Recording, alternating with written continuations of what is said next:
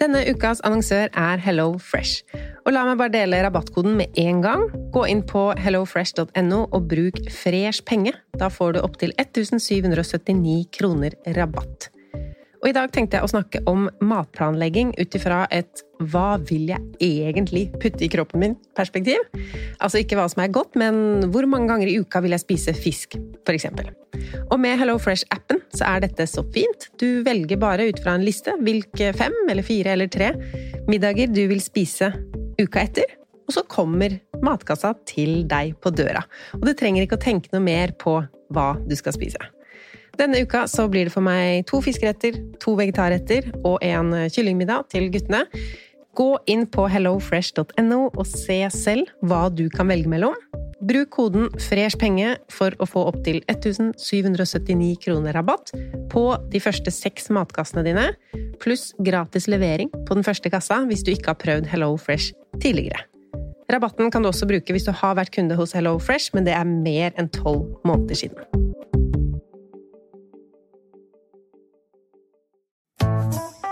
Har du et enkeltpersonforetak eller en liten bedrift? Ikke det? Nei. Nei, men da holder vi det enkelt og gir oss her. Fordi vi liker enkelt. Fiken superenkelt regnskap. Velkommen til Kjemperådet! Vi har fått inn et kjempeproblem her. Jeg leser. Jeg er på ferie med familien. Det er gøy, bortsett fra at jeg har gips på begge beina. Kan ikke bade eller dra noe sted. Jeg føler meg veldig begrenset. Hilsen begrenset far. Begrenset far trenger ubegrensethet. Yes. Ja, Kanskje ubegrenset data fra 399 med familierabatt hos Telenor? Ja, det løser jo alt! Bortsett fra det med badingen, da. Se nye mobilabonnement på telenor.no. Yes!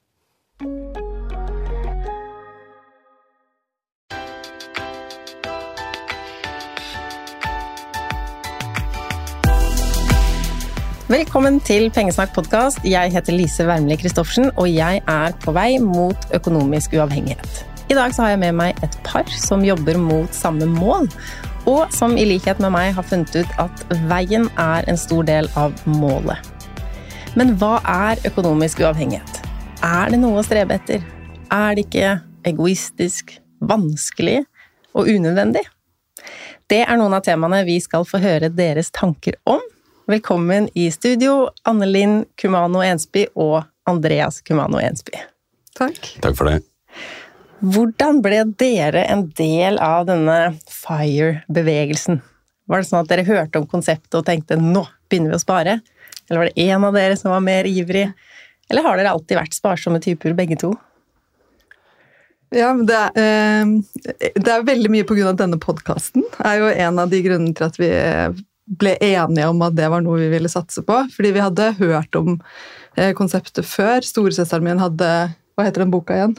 Uh, Early Retirement Extreme av Fisker, han dansken. Ja, ja, tror. Ja. Mm. Eh, Men da virka det som noe sånn helt uh, uoppnåelig, kanskje for sånne som tjener like mye som henne, men ikke for oss.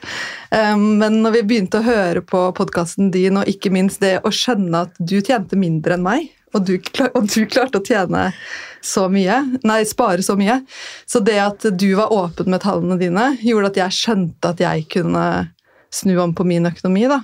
Så det var uh, mye av starten. Så vi starta jo på vår sparereise for sånn tre år siden. Da hadde vi bestemt oss for at vi ville teste ut det. Uh, og det gikk veldig bra.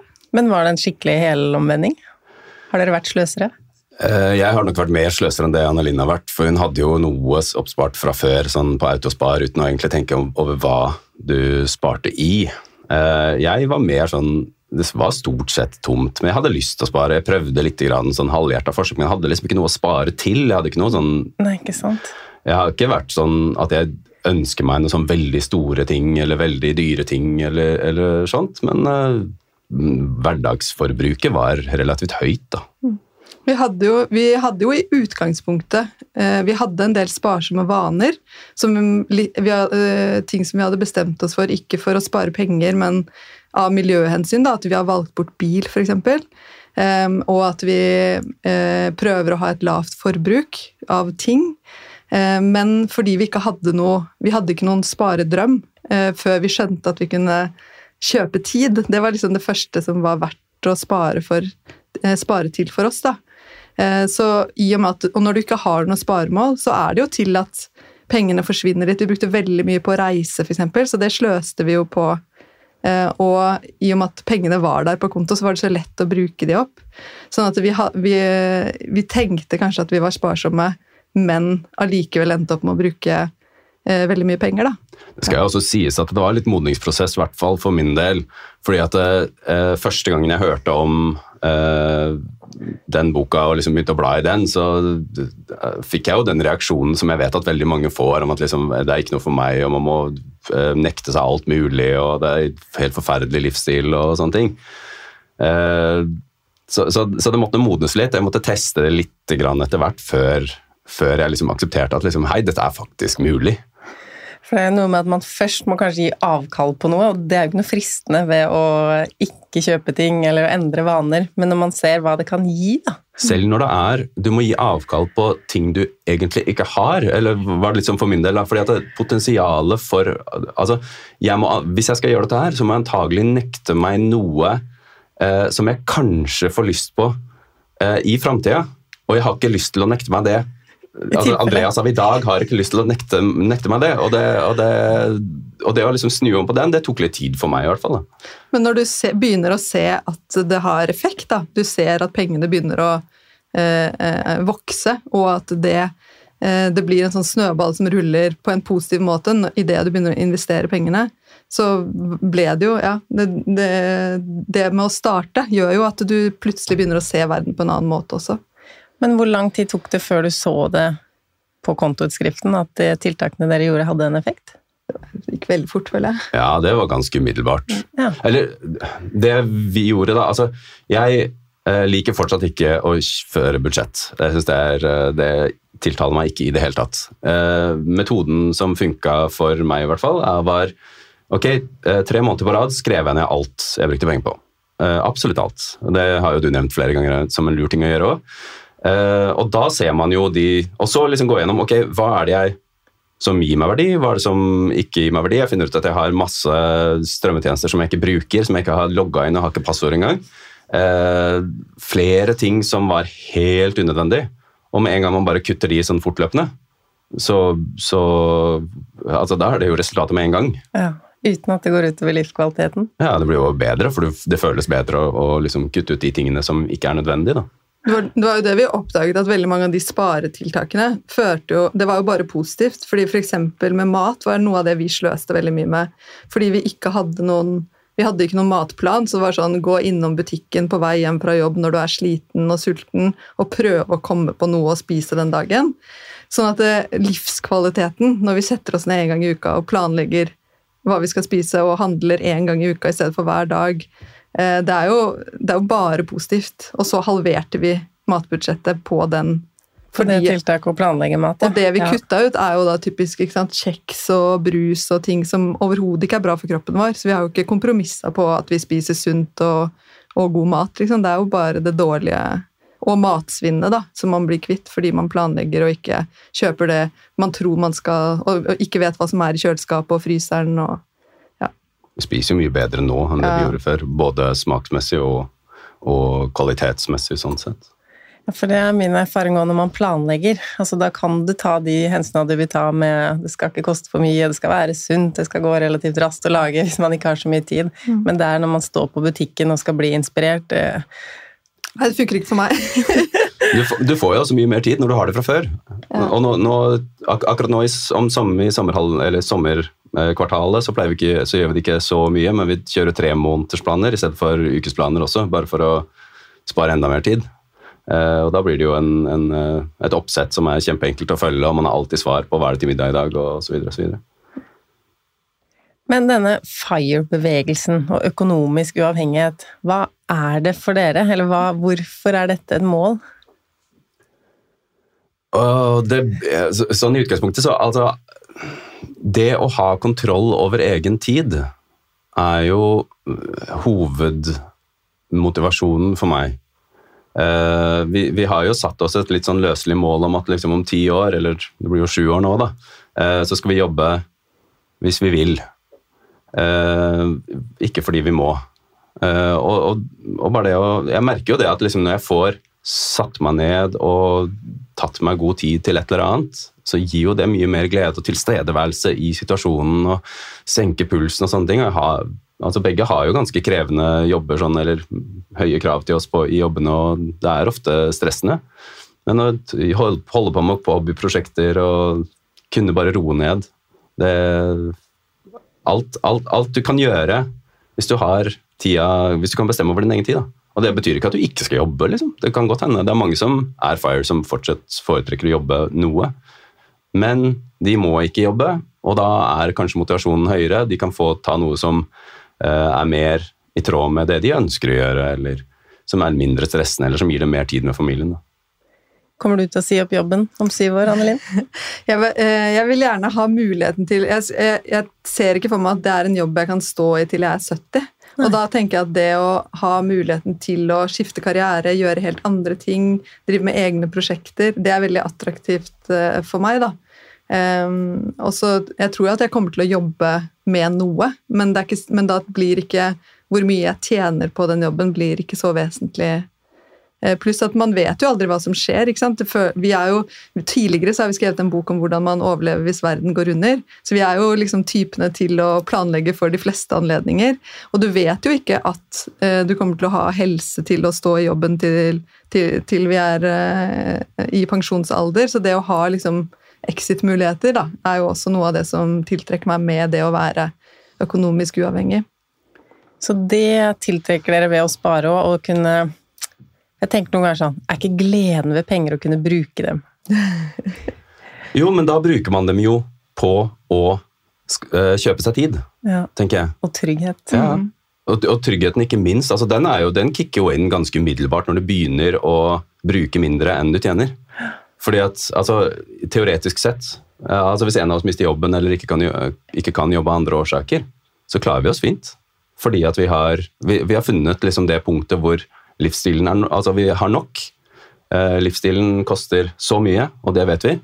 Eh, og alt over det eh, investerer vi nå. Og, og da Det gir jo en helt annen trygghet, og hvis noe skulle skje som vi ikke har forutsett, eller sånne ting, så står man jo vanvittig mye bedre rusta. Det er Jeg, jeg synes det er morsommere sagt at det, det er morsommere å kjøpe aksjer enn å kjøpe klær. Jeg liker, eh, den, jeg liker heller å investere. Det gir meg mer glede å bruke pengene på investeringer enn å bruke pengene på forbruk. Ja. Fordi når, jeg hadde jo dårlig på en måte, miljøsamvittighet da, med å kjøpe ting eh, før, og da ja, jeg liker bedre å være en investor. Ja, så er jo, har jo litt sånn derre hobby-nerdegenet som gjør at med en gang jeg begynner å interessere meg i noe, så dykker jeg dypt inn i det og liksom blir veldig interessert og vil samle. Eh, før var det fyllepenner og, og litt sånne ting, så jeg har jo en viss samling der. Eh, nå er det mer nå er det mer en sånn hobby å samle selskaper da, og eierandeler i de. Og det kaster jo litt bedre av seg. Jeg er helt enig i det du sa. eller Jeg tror mange merker at idet man begynner med liksom FIRE-tankegangen og begynner å spare, at den følelsen av eh, frihet og trygghet den kommer så mye tidligere enn man hadde tenkt. Da. Man tenker kanskje når jeg har nådd målet mitt, da skal jeg føle meg trygg og fri.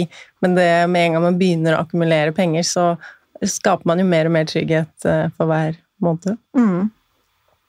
Vi er nok enige om det meste.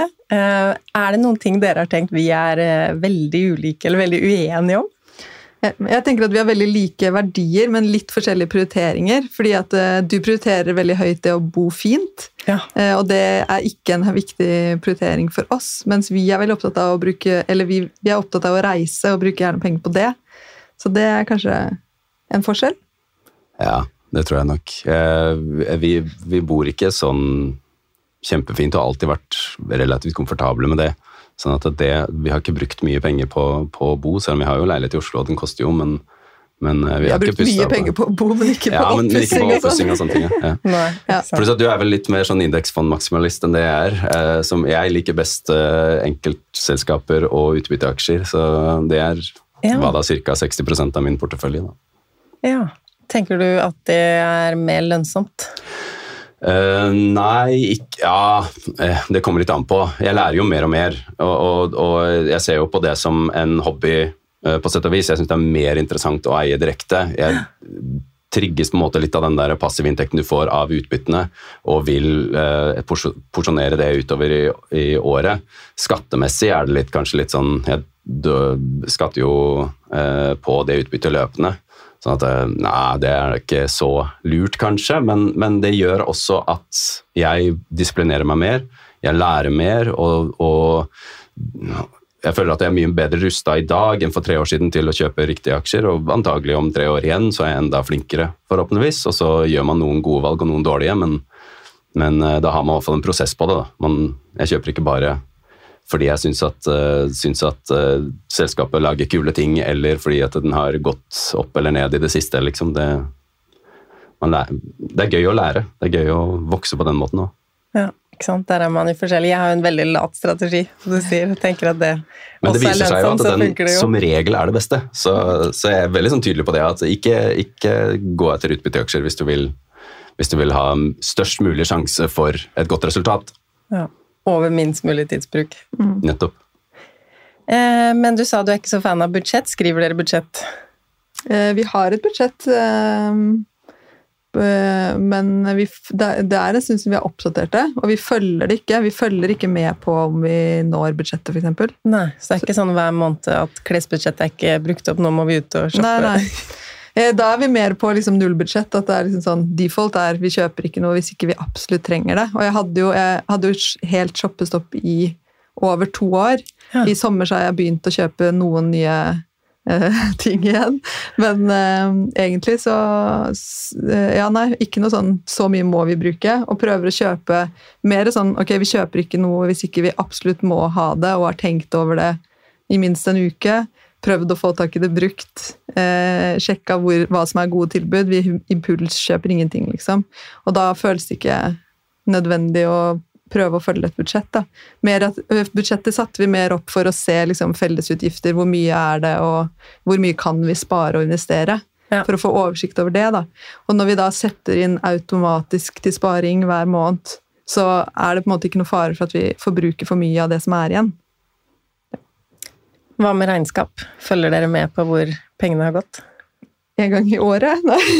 Nei, jeg, jeg gjør ikke så mye det, jeg heller. Altså. Uh, Vi må ha regnskap, for vi har, har firma pga. boka. Så må vi føre regnskap for firma, og da må jeg jo hente inn utgifter, men ja. Ja, men, å, men å sjekke sånn løpende utgifter og sånne ting Med en gang, med en gang jeg innså på en måte sånn cirka hvor mye vi bruker på mat hver måned, hvor mye vi bruker på, uh, holdt på å si leilån og, og sånne ting, så setter jeg alt det andre første dagen, og så går det bare sin gang. Jeg er liksom vanemenneske, så da, så blir det ikke så veldig store avvik. Og så kan man gjøre små justeringer etter hvert. ikke sant? Prisene går jo opp nå, og da, ja, da bør jeg antagelig kanskje liksom la det være igjen litt mer når jeg investerer første dagen til etter lønn. så men, eh, men utover det så syns jeg Jeg, jeg synes akkurat det er, jeg synes det er gøy å trekke portefølje, og syns det er veldig kjedelig å trekke forbruk, så det pleier jeg ikke å gidde. Men vi, har, men vi gjorde det jo i starten ikke sant? for å få oversikt over Da førte vi jo ned alt vi brukte penger på.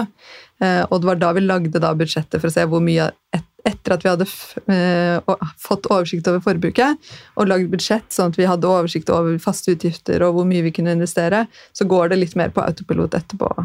Mens vi, det kan jo eh, hvis vi, Det er nok lurt å gjøre det innimellom for å bare passe på at man ikke Sklir helt sklir ut. Ja. Jeg regner med at hvis jeg gjør det samme nå, eh, skriver ned alle utgifter, så er det nok høyere enn det var den tredje måneden etter at jeg begynte eh, liksom den første tre månedersperioden. Eh, det ene er jo at, at ting er blitt dyrere, men, men også kanskje at jeg har sklidd ut litt for min egen del òg. Så hvis man gjør det innimellom, så kan man jo få en vekker og sånne ting. Kanskje vi burde gjøre det. Ta en, ta en fot i bakken og sjekke det på nytt. Sikkert lurt. Hva fant dere ut i løpet av de tre månedene dere skrev ned alt? At vi kunne spare veldig mye. Ja, at dette er veldig mye enklere enn vi trodde. At, eh, altså, nå, nå, har, nå tjener jo vi greit. Altså, Ifølge liksom, statistikken, så og Dette her får man alltid pes for. ikke sant? Ja, du tjener mer, og det er, går ikke an, og sånne ting. Men, men eh, for et par i 40-åra med to barn i skolealder, der, i den kategorien så er vi sånn cirka smack bang midt på treet. Uh, og så hvis man sammenligner seg med studenter eller eh, 60-åringer, så er vi ikke midt på treet. Da er det andre. Men liksom i vår kategori, og det er jo mest fornuftig å, å tenke der, så ligger vi sånn cirka midt på. Og så finner vi ut hva som er nok, og da, da ble jo den store åpenbaringen at liksom, her er det faktisk mulig å, å investere ganske mye. Mm. Fordi at man finner det nok-punktet, da. Hva var det dere kutta ut, da?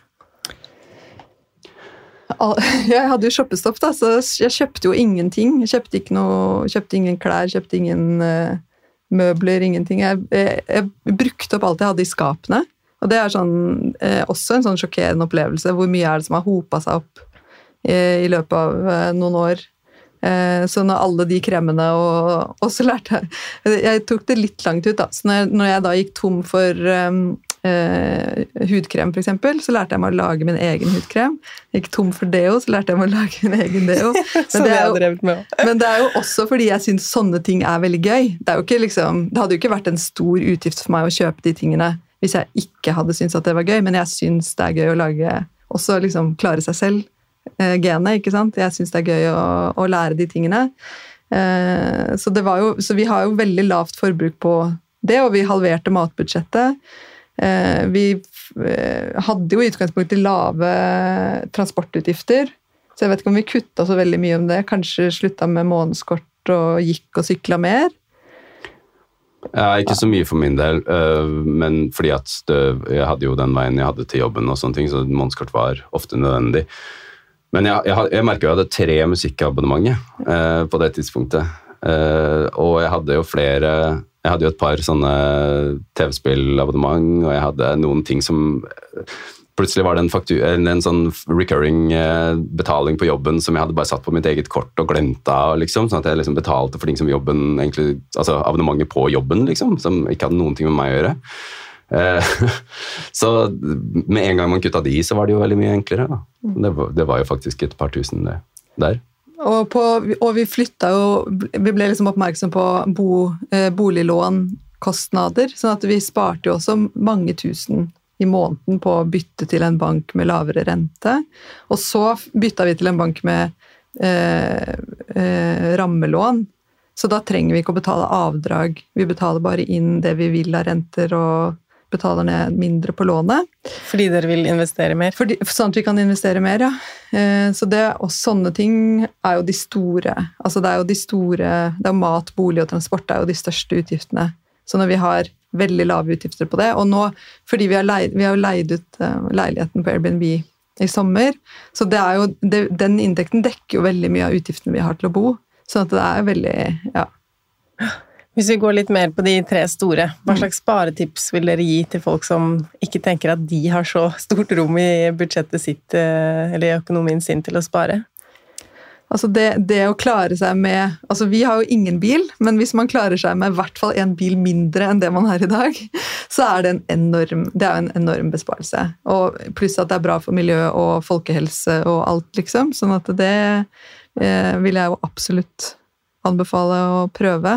Og, og, og det er kjempelett å få tak i en bil den, de to gangene i året hvor vi trenger en bil, så er det jo eh, kjempelett å leie, så det er liksom ingen Eh, Men samtidig, vi bor i, innenfor Ring 3, så det er jo lett for oss. Eh, Men eh, jeg tror mange klarer det hvis de prøver, og hvis de er villige til å ofre litt. Men det koster jo litt, da. Eller veit hvor mye det koster å ha den eh, bil nummer Ja, ja, to, eller man tenker nei, den verditapet har kanskje allerede skjedd, men eh, bare å ha en bil stående, det er kostnader som Ja. Ja, og folk bruker jo enormt mye penger på det å ha en bil, og så er det sånn, ja, men for å få dagliglivet til å gå opp, ja, men du kunne jobba 80% liksom, og hvis du ikke hadde hatt den bilen, så kanskje det er verdt Hvis man begynner å tenke på det, da, hvor mye tid koster den bilen deg, det, da er det kanskje verdt eh, å finne en annen løsning allikevel. Og, vi, og hvis man først har den og trenger den, så står den jo gjerne stille mye òg. Og vi har i hvert fall hatt god, god opplevelse med å leie på Get Around, som det heter nå. Så da har man jo en mulighet der, muligens. Så transport, der var vi ganske lavt uansett. Men, eh, men eh, det var jo fordi at vi har tatt et bevisst valg om at vi vil ikke ha bil, og er ikke interessert i å, å ha det. Og det, det har jo også øh, gjort det valg, altså, det har jo også informert det valget vi har gjort om å bo i Oslo. Uh, nettopp fordi at der trenger vi ikke bil. Um, og med mat så er det jo det å, det å planlegge, eh, lage handleliste, sånn at du ikke handler mer enn én gang i uka og vet hva du har hjemme før du går ut i butikken og handler, er jo veldig, veldig eh, økonomisk. Eh, og, og, det blir mindre daglig stress. Og så hvis man har da handla inn for den uka, så har du mer tid til å lage god mat fra bunnen også. Fordi du slipper å bruke den tiden i butikken. ikke sant? Sånn at det Veldig ja. godt poeng. Vil du anbefale folk å gå på med å lage en tre måneders matplan, eller skal man begynne litt uh... Vi begynte jo med vi hadde, vi hadde, jo et år med ukesplaner før vi lagde tre måneders matplan. Så da hadde vi jo god innsikt i hvor, hvilke retter som gikk på repeat og Eh, sånn det, var, det, er sikkert lurt å begynne på ukesplaner, men vi ble lei av det etter hvert år. Liksom, for det ble sånn ah, nå må vi lage den ukesplanen igjen. Mens du, det rekker du ikke da, hvis du lager tre måneders matplan, så har du da er det ene, da er det tre måneder til neste gang, så det er ikke noe, du blir ikke lei den. Ja, altså. Det Jeg syns det var vanvittig mye bedre med tre måneder. Fordi at For det første så gjør du den Det er ikke så mye vanskeligere å planlegge for tre måneder enn for en uke, syns jeg.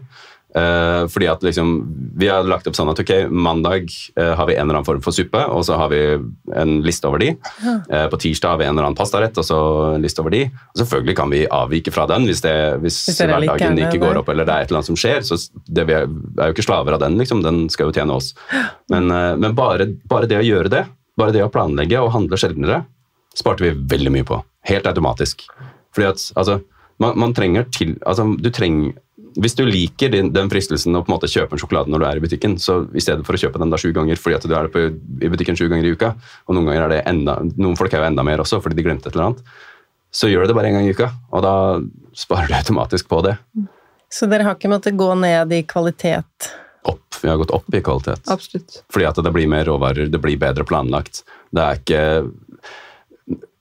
da vi, da vi gjorde Dag for dag, så var det jo litt sånn eh, Den som dro først hjem fra jobben, sendte en melding. Eh, hva skal vi ha til middag? Og så ble det nesten andres oppgave å finne på noe uten å være i butikken. Og så da blir det ofte et eller annet frossent, da blir det ofte et eller annet halvfabrikata. I hvert fall for vår del, alle er jo ikke sånn, men, men for vår del ble det det mye, mye det. Det ble, det ble halvfabrikata som var fullt av ting som man kanskje ikke er like bra, fordi at det er ultraprosessert og det er det ene med det andre som, jeg jeg syns maten smaker bedre, vi bruker mindre tid på det, og det er billigere. Så det er liksom bare fordeler ved det. Mm, det er bra du sier det, for jeg tror mange tenker at hvis man skal begynne å spare på mat, så må de begynne å spise dårligere kvalitet på maten, og de er ikke villige til å gjøre kompromiss der, men bare ved å slutte å kaste mat og ha, ha et litt system og spare ja. Men det er, jo, det er, jo, en rar ting i Vesten, da, om at uh, de, de billige matvarene er, er usunne, mm. men de trenger ikke være altså, du, det, er så mange måter å, det er så mange måter å unngå det på, da. Ved å, ved å liksom tenke at det går an å ta kvalitetsvarer, det går, går, an å ta råvarer, og det blir ikke I hvert fall for oss så har det ikke blitt dyrere. altså. Mm. Tvert imot. Og det er jo mange sunne ting som er billige, altså ris og poteter, linser altså Det er veldig mye råvarer som har lav kilopris. da. Ja. ja og, og, Det er fordelen med å lage tremånedersplan, for da kan du liksom tenke over hva er det som er i sesong nå hvilke grønnsaker er det som er norsk, hvilke norske grønnsaker er det som er i sesong nå. De er aldri dyre. Så det er jo på en måte de, det som har blitt eh, transportert fra andre siden av jorda, det er jo det som er dyrt, egentlig. Men dere dyrker også litt selv. Er det av hobby, eller sparer dere penger på det også?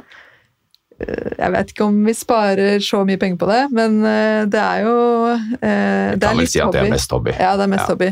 Men jeg sanker også i naturen, og det er jo, det er jo det null, det er null utgifter. Så det, det, tror jeg vi sparer en del på. Ja. Hva er det du sanker, da? Altså Akkurat nå så er det f.eks. brenneslefrø, eh, aroniabær, Eh, og så er det jo soppsesong og blåbær og Pluss at vi har eh, epler og plommer og den typen ting er jo også null arbeid, men bare å plukke ned. Men dere har jo to barn. Hva syns de etter altså når foreldrene fant ut at nå skal vi spare inn og ha shoppestopp og De har, ikke, de har, de har aldri vært noe, syntes det har vært noe kjipt. Uh, vi var nok litt for sånn derre altså, vi var nok litt for sånn eh, Ok, vi var et sted, og så fikk de gå inn i en butikk, og så ja, ok, men dere kan bare få én ting, da. Og så må, finner dere en ting, og så når det baller på seg, så blir det jo enormt mye plaster her etter hvert. Eh, og erfaringsmessig så er det gøy i en dag, og så blir det bare lagra. Så jeg vet ikke, de har, aldri, de har jo interessert seg litt, grann, i hvert fall. At de vil de får månedslønn, på en måte. Eh, og hvis de eh, velger å investere det, så dobler vi beløpet. Sånn at eh, de har jo fått litt interesse for det, og har noen ganger lyst til å se hvordan det går med deres portefølje. da. Og de, og, og de har fått være med å selge ting, f.eks., og da får de jo også den innsikten selv i at de har altfor mange ting. Når vi går gjennom tingene som hva er det her vi ikke trenger, og vi kan legge ut på Finn og sånn, og pluss at de ser at vi får inn penger for det, så de blir jo veldig gira på det. Ja, så det har vært læring for dem, og egentlig bare positivt.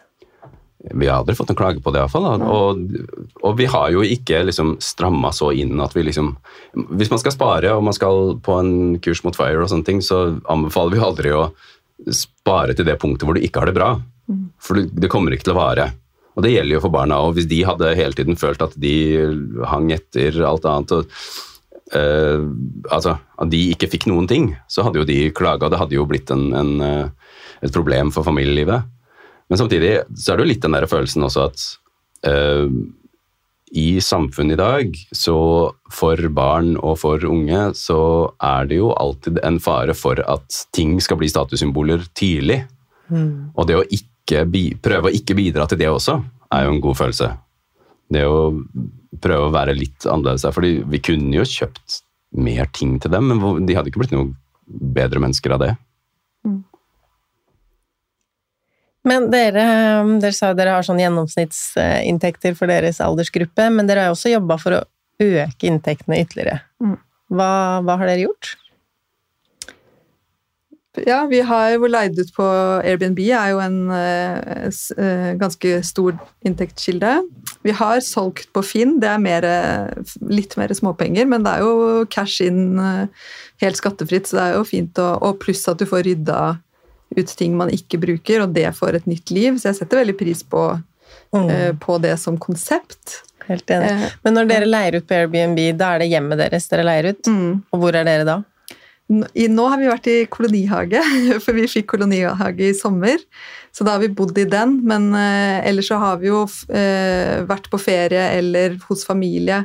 Vi har stor familie som har åpne dører og gjerne vil ha besøk, så da har det ikke vært Vi har mange muligheter, da. Mange Ja. steder å dra. Så det syns dere er verdt jobben med rydding og klargjøring og vasking etterpå og organisering? Det blir jo enklere etter hvert som tida går. Etter hvert som du på en måte har fått Det aller første gangen er jo den verste. For da må du stue vekk, og du må finne en plass til alt som ikke har en plass, og, og fjerne ting som er personlige, som, som ikke kan stå framme, osv. Eh, etter hvert så blir det jo litt, litt bedre. Nå har vi hatt ganske mange de, eh, hjemme hos oss den sommeren her.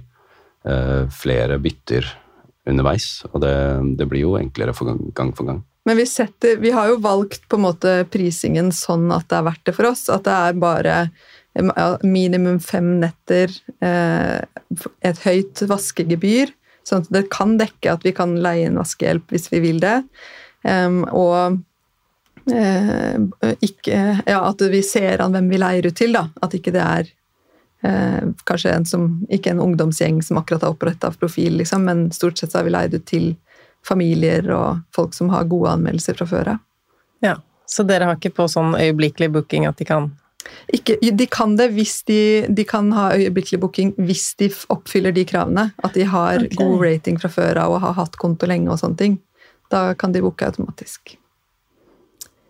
I tillegg så har vi jo altså, litt smågreier her og der. altså Prøvd ut eh, noen sånne nettjobber, eh, har du gjort i hvert fall, Ann-Linn. Og, og så har du jo investeringsinntekter, eh, renteinntekter og utbytter og sånne ting. Det er jo en, blitt litt etter hvert.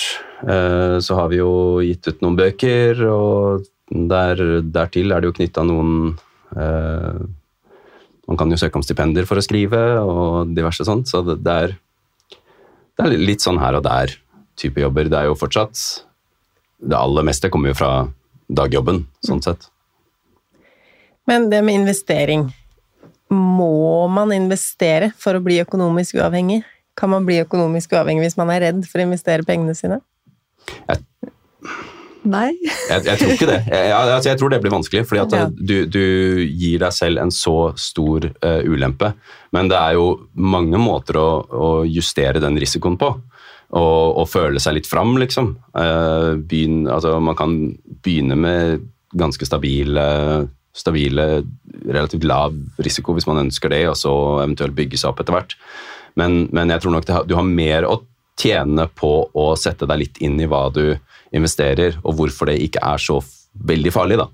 Uh, altså når, når jeg leser om folk som snakker om at eh, liksom, ja, men jeg er redd for at eh, indeksfondet skal gå i null, ja, men da har du faktisk ganske andre store problemer. For da, har, da, da fins ikke uh, altså Da er det ingen som lager mat lenger, og da er, det ingen som, da er internett borte. og da er det liksom, altså, det, Sorry, det skjer ikke, altså. Det, det, du må tåle at det går opp og ned. Det må du. At det er en, en syklisk og en, en, at det er daglige svingninger. Det må du tåle. Ja, Men hvis du ikke tåler det, så ikke se på det, da. Aldri åpne den appen. Bare la det gå med lukka øynene, så om ti år så, så er du bedre i stand. For hva er det med den renters renteeffekten som er så bra at man ikke kan gå glipp av det? Altså det, det som er viktig å tenke på, er jo at hvis du ikke eh, investerer pengene dine, så vil de tape seg i verdi. Fordi at eh, inflasjonen spiser, og det merker man jo virkelig nå som inflasjonen går amok, at eh, pengene taper seg i verdi. Eh, så derfor må du, hvis du skal spare penger til framtiden, så må du jo investere de på en sånn måte at pengene også vokser, for å på en måte motvirke den inflasjonsproblematikken, da. Og ja, det er bare å leke seg med sånne Det er masse sånne eh, investeringskalkulatorer og apper du kan laste ned, så kan du se hvordan eh, hvor, mye pengene, eh, hvor mye penger blir over tid, og hvor utrolig viktig det er med tid. da, fordi vi har jo et tiårshorisont, så da er ikke renters renteeffekten så stor. Mens hvis du klarer å sette av litt penger i 20-årene, eh, begynner litt før oss, så trenger du kanskje ikke å spare over halve lønna di. Da kan du spare litt mindre og allikevel ende opp eh, som rikere 50-åringer enn det vi blir, da. Ja, Vi begynte jo komparativt sett ganske seint. Vi var jo 39 da vi begynte, så vi har jo ikke så god tid på oss sånn sett. Men eh, ja, men eh, se på regneeksempler. Liksom, okay, hva, noe står i boka, noe står i, på Instagrammen til Anne Linn at eh, altså, forskjellen mellom bare en sparekonto eller en BSU for den saks skyld til det gjennomsnittlige avkastningen du har på det globale markedet over tid, eh, den, den er ganske vesentlig. Og det er, det er det verdt å måte, bare se på og tenke på. og Sette inn litt grann penger, da, og bare kjenn på at det går ned. Kjenn på hvordan det føles, kjenn på at det går opp, hvordan føles det. og så Man kan gjøre dette her sakte, men sikkert i starten, og så, og så bygge på etter hvert. Det var jo litt det vi gjorde. Og de regneeksemplene du snakka om, det er jo sånn man kan gjøre hvis man tenker at ja, men jeg gidder ikke å gå gjennom de streamingabonnementene mine, for det har jo ikke noe å si om jeg sparer 200 kroner i måneden på det. Men hvor mye er det i et år når det beløpet blir investert i 20 år? Da blir det plutselig verdt det allikevel, selv om du kanskje ikke syns det er verdt å spare 189 kroner i måneden. Da. De 189, Om 66 år så er de hva da, ganger 88 eller et eller annet sånt, så det er ja, Ja, det og blir jeg fort mye. Ja, og jeg tenker det, det er veldig lurt å gjøre de regneeksemplene også fordi da kanskje du blir litt mer immun mot sånne bli rik fort-luretriks, da. Fordi det er jo noen som ikke skjønner, eller som tar altfor høy risiko i en sånn desperat behov for å bli rike, da. eh, Som ender opp med å tape pengene sine. Så det er veldig, veldig dumt. Det er jo eh, Ja, det er det siste du skal gjøre. Eh, Sånn at ved å liksom regne på det og se hvordan pengene kan vokse over tid, selv med på en måte normalt lav avkastning, så blir man kanskje litt, eh, litt eh, mindre utsatt for den typen scams, da. Men dere tar jo også risiko. Jeg vet dere investerer i kryptovaluta, blant annet. Med veldig, veldig liten Ja, og, Det er mer sånn for å prøve det òg, liksom. Ja. Ja, og for min egen del så er det jo ikke nødvendigvis kryptovaluta som et samlebegrep, men, men jeg har troen på at bitcoin er, eh, er en del av uh, hvordan vi kommer til å håndtere penger i fremtiden. Uh, det er en relativt liten del av porteføljen sånn prosentmessig, uh, og, det, men vi er ikke på sånn der, gå inn på den nye, nye kryptovalutaen som skal til månen, liksom helt uinteressert i det. Eh, det vil jeg strengt tatt advare mot, fordi det er så mye, det er så mye scams der ute at det er helt tullete. I FIRE-bevegelsen så snakker man gjerne om et FIRE-tall. Altså summen man må ha investert for å kunne leve av avkastningen. Eh, Da gjelder det jo aksjemarkedet, om det er der passive inntektene skal komme fra. Men har dere et sånt FIRE-tall? Eh, Vi lagde oss jo et tall i, når vi begynte å investere i 2019, eh, og da var det sånn fem millioner hver, så ti millioner til sammen, eller på en måte dollarmillionærer til sammen. Eh, Og så må jo det sikkert inflasjonsjusteres eh, Særlig nå. Særlig nå, før det har gått ti år. Da. Men, men det er liksom utgangspunkttallet vårt, og det er basert på at vi ser at vi klarer oss med et forbruk på 200 000. Og da trenger du 5 millioner. Er det 200 000 hver eller 200 000 sammen? Nå ble jeg usikker. Eh, hver, tror jeg. Eh, fordi Ja, at, eh, altså, hver, vil jeg ikke ta de regnestykkene i hodet, for det klarer jeg ikke. Men, eh, men vi har jo, vi har jo sånn tentativt sagt ca. 10 millioner hver. Nei, til sammen, ja. Og så er det, det er jo det vi har i tillegg til det, da, for det er litt viktig å si, at det er basert på at vi har eh, Da har vi ikke så lang tid før vi kan begynne å få ut pensjon, og det er uten pensjon. Uten pensjonssparinga til jobben og uten folketrygden. Eh, og hvis vi er eh, fire når vi er 50, så vil det jo være ganske kort tid igjen før vi, De pengene trenger ikke å vare i 30 år. Nei, kanskje det er 17. Ikke sant? Så pluss at eh, vi har jo da ikke regnet inn privat bolig i det tallet. Så det kommer også i tillegg. Det at vi har en eh, relativt nedbetalt, eller vi har høy, lav belåningsgrad på boligen, eh, i tillegg til at vi har pensjonssparing på uten, eh, utenom. Så derfor er jeg ikke redd for For det har vært mye diskusjon i fagmiljøet om er 4 %-regelen er det for høyt. Men jeg er ikke redd for det i det hele tatt, fordi vi har så mye andre muligheter. da. Fordi hvis f.eks. For aksjemarkedet skulle gå dårlig de, tiårene da, som vi har eh, eh, Eller før vi kan begynne å ta ut pensjon og sånn, så vil vi jo kunne faktisk belåne opp på primærboligen i stedet for å ta ut eh, I stedet for å selge aksjer når aksjemarkedet er dårlig. Vi har veldig mye vi har veldig mange muligheter og veldig stor fleksibilitet. Og, et, og med en gang vi begynner å ta ut pensjon, så vil vi jo eh, ha en periode hvor vi får inn veldig mye mer inntekter enn det vi I tillegg til liksom, avkastningen og rentene. Det er jo litt derfor, altså det med aksjemarkedet opp og ned, det er jo litt derfor jeg syns at utbytteaksjer er interessant òg. at det bryr seg sjelden om de svingningene i aksjemarkedet. Fordi da velger jeg jo ting som er trygt, relativt trygt, eh, som har en lang historikk, og som har hatt en økende trend over tid. Og da er jeg ikke så og, og jeg sjekker jo selvfølgelig om de tjener penger, og at de ikke tar opp gjeld for å, for å finansiere dette her, men, eh, men eh, da trenger jeg ikke selge noe. Og det syns jeg er mye, fin, mye finere. Men da dere regna ut det tallet her, 10 millioner, ble dere ikke demotivert til da? Det er mye penger som skal spares Ja, opp. men så deler man det jo litt opp over tid. Altså, I august 2019 så, begynte, så investerte jeg mine første 500 kroner i et norsk indeksfond. Eh, Så det var liksom starten på hele greia. Du hadde aldri investert noe? Nei, nei, nei, det var aller første jeg prøvde. Så, så jeg kjøpte også en aksje i uh, Funcom, som jeg etter hvert måtte selge fordi at uh, kineserne kjøpte det opp, men en annen sak. Eh, da satte jeg som mål at ok, da, det var før vi hadde regnet ut noen firemål og sånne ting. Da Eh, Da tenkte jeg ok, men jeg vil ha en million, jeg vil kunne kalle meg millionær. Jeg vil ha en million investert eh, innen de neste ti årene, og det er ganske, og da regnet jeg ut at jeg, ok, da må det være ca. 7500 i måneden.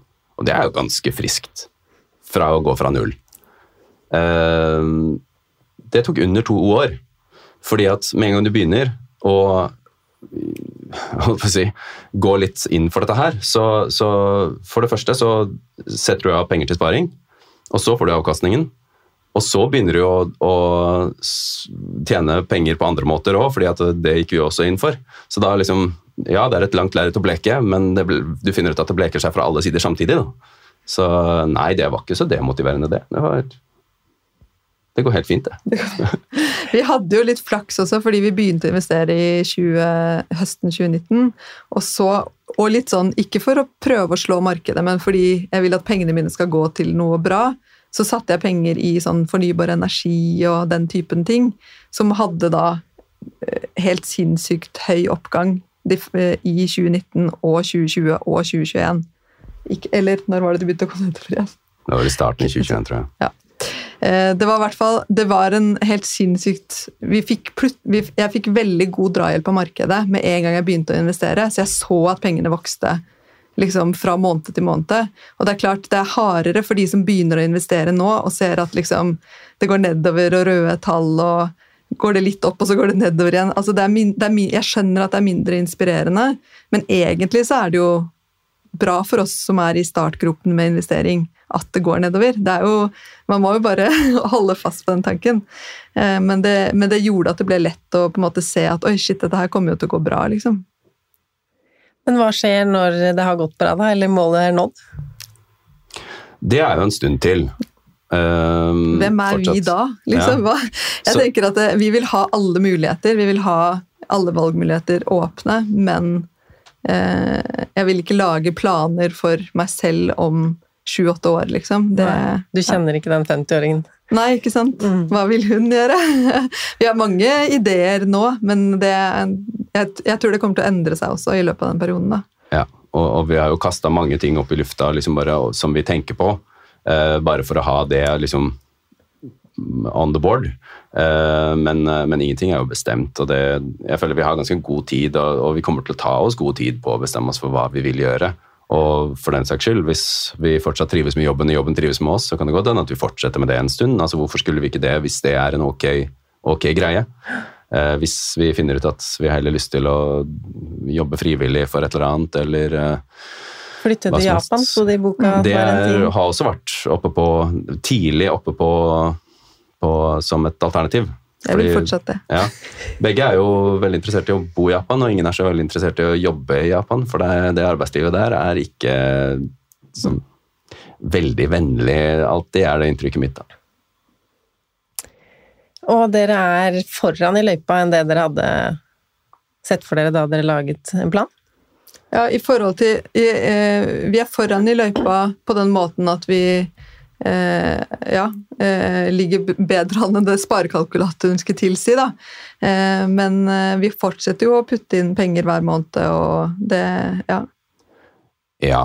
Akkurat nå så ligger vi jo foran skjema, sånn sett. Når vi lagde den planen første gangen, så så det jo litt altså Da så det sånn uoppnåelig ut og skulle nå det innen ti, ti år, mens nå ser det oppnåelig ut. Ja. Fordi vi fikk veldig god avkastning i begynnelsen, og fordi vi tjente mer penger enn det vi så for oss at vi kom til å gjøre da. Eller fikk inn sideinntekter som vi ikke hadde regna inn i det første regnestykket. Men det kan, jo, det kan, jo, være kraftige pullbacks i markedet innen den tid. Det kan være at altså, kan være at noen mister jobben, så jeg, jeg føler ikke at vi er liksom på noe ja, vi er foran skjema. Litt. Men dere surfer ikke gjennom Nei, nei, nei, på ingen måte. Men hva slags reaksjoner får dere når dere snakker om dette her? Både privat og Jeg har jo sett noen reaksjoner på nyhetssaker og sånn som dere har stilt opp i. Jo, folk blir jo, noen blir jo litt provosert. ikke sant? Fordi Hvis man sliter med økonomien selv, så er det sikkert irriterende å høre at noen eh, har råd til å spare masse penger. Altså det, og jeg skjønner jo også at altså Jeg husker jo at jeg tenkte de tingene selv. Første gangen jeg leste om supersparere, så tenkte jeg jo akkurat det samme. sånn ja, Sikkert liksom rik mann, eller hva det er for noe. Men, eh, så at jeg skjønner at, jeg tror det er en litt sånn intuitiv reaksjon. At man liksom må eh, beskytte seg mot fremmede ideer, eller hva det er for noe. da. Eh, mens når vi snakker med folk direkte, så er de jo bare nysgjerrige og positive, stort sett. Ja. Og så er det litt den der 'wow, det kunne aldri jeg gjort'-type eh, 'og dere er så flinke'-type reaksjoner er jo relativt vanlig. Jeg føler at det er noe litt sånn der Når man snakker om eh, det å spare mye penger, så er det nesten noe litt iboende moralistisk i det, som folk får en motstand for. Og jeg merker jo vi føler behov for det, og jeg tror du gjør det også. fordi Når jeg hører på podkasten din, så er det ofte at man har sånn, hva skal jeg si, caveats. eller sånn, eh, Man må liksom holde litt tilbake og si man forstår at det er annerledes hvis man, eh, hvis man må leve på stramt budsjett fordi man må og fordi man velger. Det er en veldig stor psykologisk forskjell, og det må man anerkjenne. Mm. Og det er veldig mange sånne forbehold man, eh, vi, og, og jeg tror du også, tar. Og, og det kommer jo nettopp fordi at vi, vi anerkjenner den litt sånn derre iboende moralismen i det å spare mye. Eh, nesten en litt sånn der, at man skal leve asketisk eller pietistisk fordi at eh, For et eller annet, altså for hvilken som helst grunn. da. Eh, og de reaksjonene kommer jo, men eh, jeg vet ikke. Det jo, dette her er jo bare matematikk på et eller annet nivå. altså Hvis du bruker mindre enn du tjener og, sparer, og investerer det, det, det er jo grunnleggende det budskapet vi har. Og det at Du kan komme med motargumenter mot det, men matten ligger jo der, liksom. Altså selvfølgelig Selvfølgelig, selvfølgelig er det bedre å bruke mindre enn du tjener. Altså, det, er noe, det er ikke noe spørsmål, det, egentlig.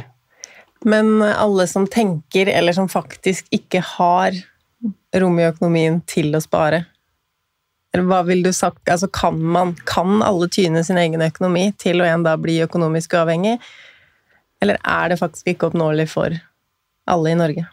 Eh, det er ingenting i verden som er tilgjengelig for alle, tenker jeg. Er liksom den, altså, vi er forskjellige, vi har forskjellig utgangspunkt, eh, og alle må eh, eventuelt gjøre det som er mulig innenfor sine egne rammer. Og så er jeg av den oppfatningen av at de aller fleste har, mer, altså større kapasitet til å spare og til å holdt på å si, skjære ned på økonomien enn det de tror.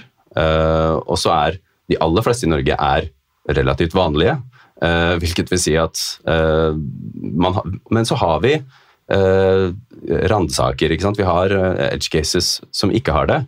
Men hvis alle vi, alle vi som egentlig klarer det, er i stand til å ta vare på oss sjøl hvis det skulle skje noe, så er jo vi som samfunn bedre i stand til å ta vare på de som ikke, ikke har den muligheten. Da. Så jeg tenker at det er en fordel for alle om så mange som mulig tar grep om sin egen økonomi og ikke havner i utføre pga. dårlige beslutninger eller dårlige vaner. For dem det er det mange. Det var litt uh, mitt neste spørsmål. Hvis alle hadde gått inn for det her, da, og, og oppnådd økonomisk uavhengighet, så kommer jo motargumentet med at da hadde jo ikke økonomien gått rundt. For Nei. oss som land så hadde ikke det her funka. Jeg, jeg syns det, like, ja, det, er omtrent like interessant som å si at ja, men vi trenger sykepleiere. Ja, men Hva hvis alle hadde blitt sykepleiere? Da hadde jo ikke verden gått rundt da heller. Nei, alle kommer ikke til å gjøre dette her. Det er ikke, liksom, det er ikke noe vi kan diskutere. Jeg tror vi er, Som samfunn, i Norge da, særlig, og i de mesteparten av vestlig verden, så er vi nærmere den grøfta med overforbruk enn vi er med underforbruk. Uh, så, så, vi har fortsatt som mm. samfunn et gans, ganske god kapasitet til å ikke forbruke ting som ikke er nødvendig. Og det, det, med at man bruker penger litt mer bevisst, da, at man investerer i selskaper, er det dårligere for samfunnsøkonomien enn at man kjøper plasteræl fra Kina? Jeg tror ikke det. Eh, og ja, kanskje det blir færre som kan ha som jobb å selge plasteræl fra Kina, men kanskje de kan heller løse noen av de faktiske problemene som finnes i verden, og bruke liksom, tiden og ressursene sine på det, hvis man investerer i stedet for å eh, leve en, som en del av det bruk-og-kast-samfunnet som vi er en del av. da. Så det, ja, jeg vil si ja, det er bra for samfunnet hvis flere, så mange som mulig eh, melder seg ut av forbrukssamfunnet og heller sparer og investerer pengene sine. Og Jeg pleier å si det at eh, jeg tror det er bedre for Norge og for eh, hvilket som helst land at vi har 1000 millionærer enn at vi har én milliardær. Uh, og, og, eiendommen, altså eiendelene, fins der ute. Altså det at altså, selskapene er der, at vi fordeler eierskapet på flere mennesker, jeg kan ikke se at det er et problem. Jeg tror det bare er positivt. Hvis ikke så overlater vi det bare til milliardærene å eie alt, mm. og da er vi jo droner for et uh, slavesamfunn alle sammen til slutt. Altså, satt på spissen, selvfølgelig, men uh, jeg, det er ikke et Jeg tror ikke det er et problem om flere uh, tar større eierskap til bedriftene som finnes der ute. Eh, og som eier egen bedrift eller, eller andre bedrifter for den saks skyld, og eh, si, identifiserer seg som investorer og eiere, enn at vi liksom lar det konsentreres helt på toppen. Da. For det er det som skjer da. Men dere skriver jo bøker, og den siste heter 'Slik blir du rik'. Det er kanskje noe med det ordet 'rik' som er litt provoserende, men hva legger dere i det å være rik? Er dere rike? Jeg, jeg, følte jo at jeg var rik før vi begynte å spare og investere. Eh, selv om vi har begge vokst opp i familier med mange barn og lite penger. Eh, men jeg er oppdratt til at vi er de rike som har overskudd. Altså, pappa jobba med bistand og har liksom eh, ha, ja, Vi har blitt lært opp begge to, da, hver for oss. Vi kjente hverandre ikke som barn, men vi har blitt lært opp til å gi og dele. Eh, og, og leve på lite. Eh, sånn at jeg har jo alltid tenkt at vi er rike, men det er vi her i Norge. Vi har eh, vi er liksom på toppen av den kransekaka som er i verden. Eh, så jeg mener jo at vi var rike fra før av. Og så mener jeg at nå er det ingen som kan på en måte nekte å si at vi er rike. Vi er i hvert fall rike, fordi i løpet av tre år så har vi klart å opparbeide oss til sammen en investert formue på tre millioner. Og det er helt sinnssykt. Jeg hadde aldri trodd at det skulle være mulig. Jeg hadde aldri trodd at vi kunne klare det. Men med normale lønninger og lavt forbruk, og ved å investere pengene våre, så har vi oppnådd det, da.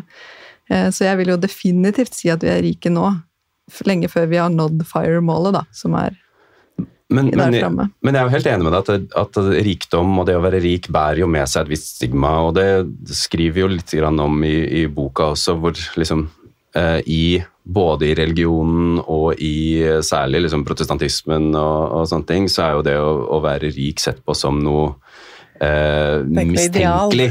Eh, altså, nei, men altså, altså, er du rik, så er du Mm. antagelig ond. ikke sant? Fordi at de rike i barnefortellingene og i Det er jo de som er skurkene. Eh, både kristendommen og islam og jødedommen har jo, har jo eh, passasjer om farene ved å være rik. Eh, du har liksom Det er enklere for en rik å Hva er det de sier? Altså det er enklere for en kamel å komme gjennom et nåløye enn for en rik å komme inn i eh, himmelen, sa Kristus på et eller annet tidspunkt. Eh, og det er mange sånn Altså, det bærer med seg et visst stigma, men trenger ikke det. Altså, så lenge man hva, For oss er det jo ikke det å samle seg masse statussymboler. Og det er veldig sånn viktig Det er ikke det som er å være, rik eh, for oss. Det er det å ha muligheten til å ta kontroll over tiden din. Fordi det er jo Penger i seg sjøl er det jo ingen som er interessert i, egentlig. Altså, hvis jeg hadde gitt deg ti millioner og sagt at ja, men da må du sitte inn i denne boksen for resten av livet, men bare Så er det jo ingen som hadde tatt det. For det, det er jo hva pengene kan gjøre, og så må man jo definere hva det er eh, som vil gjøre at du føler deg rik. Og for oss så er det evnen til å kontrollere egen tid. Så fint. Tusen takk for at dere vil være gjester her hos meg. Takk for at du kom. med. Det var veldig hyggelig. Hvis folk vil følge deres reise videre, jeg har sett dere har en nettside med noen ressurser, hvor skal man gå? Eh, Vi, vi er på Instagram og Twitter, det er vel der vi er mest aktive. Så jeg har en konto som heter Slik blir du rik. Eh, min konto på Twitter er xqdividend, uh, fordi jeg skriver mest om utbytteaksjer og sånne ting. og så har vi slikblir-du-rik.com. Da lenker jeg til de ressursene i episodebeskrivelsen, så kan du gå inn der for å få ressursene og følge med dette paret videre.